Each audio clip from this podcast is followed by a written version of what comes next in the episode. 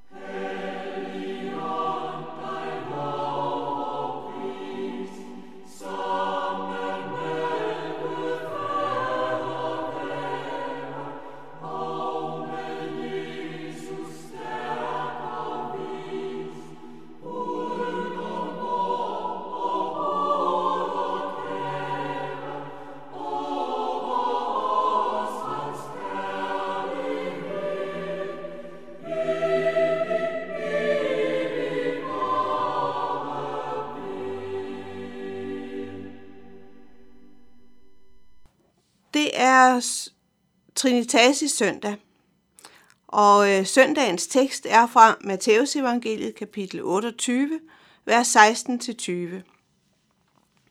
Men de 11 disciple gik til Galilea, til det bjerg, hvor Jesus havde sat dem stævne.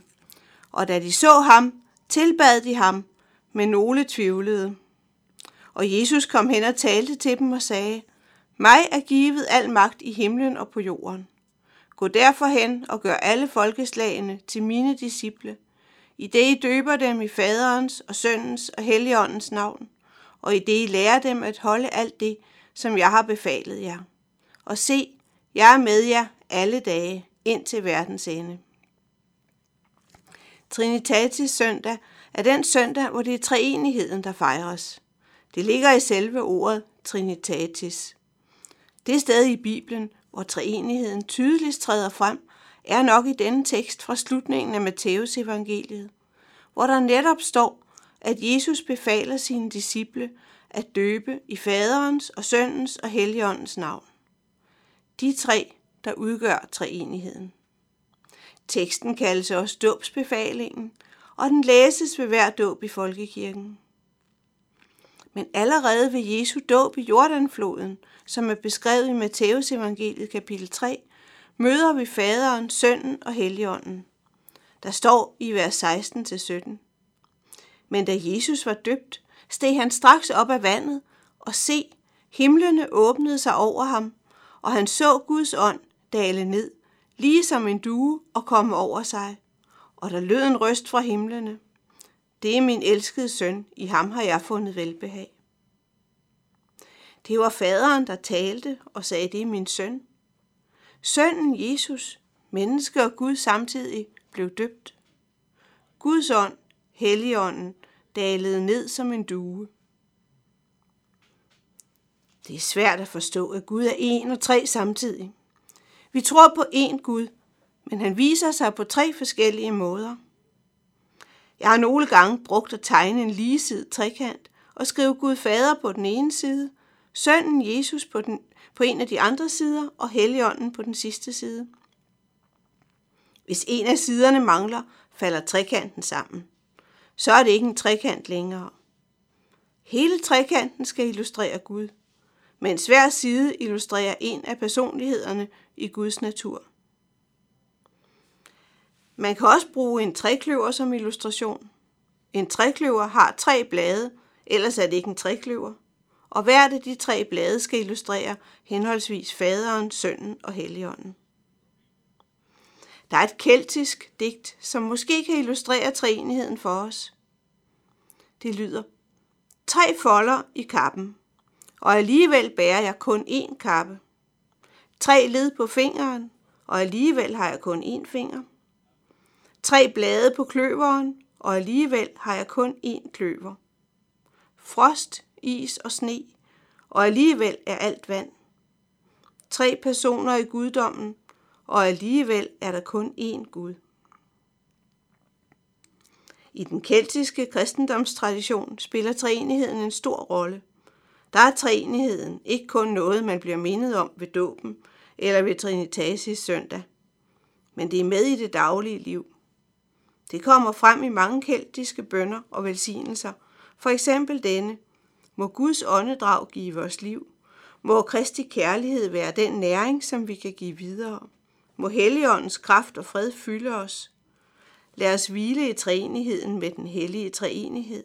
I faderens og søndens og helligåndens navn. Amen.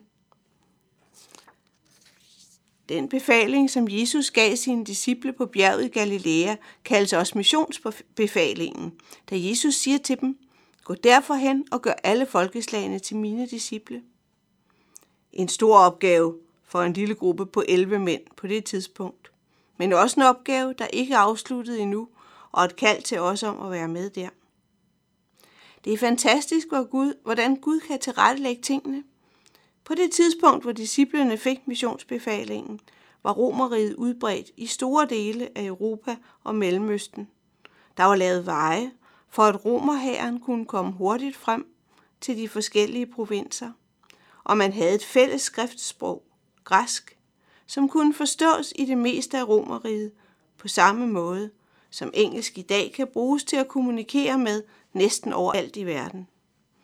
På den måde kunne disciplene rejse rundt, og også skriftligt kunne evangeliet blive udbredt. Også i dag kan Gud tilrettelægge tingene. For 40-50 år siden var der en del lande, især kommunistiske lande og muslimske lande, der var lukkede for kristne missionærer og havde været det i mange år.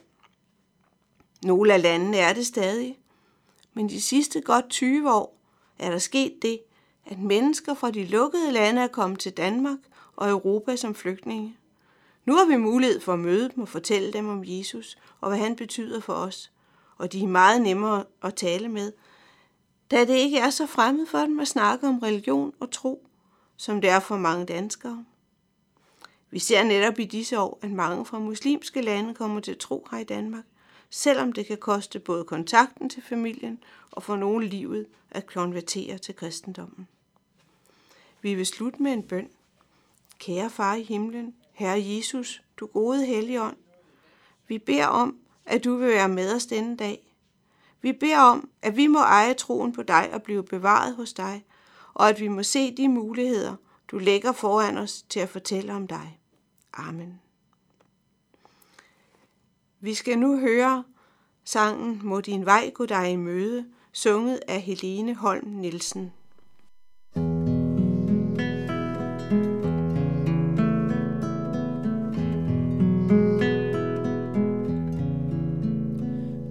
Din vej går dig i møde, og må vinden være din ven, og må solen varme din kæm, og må regnen vende mild din jord, indtil vi ses igen.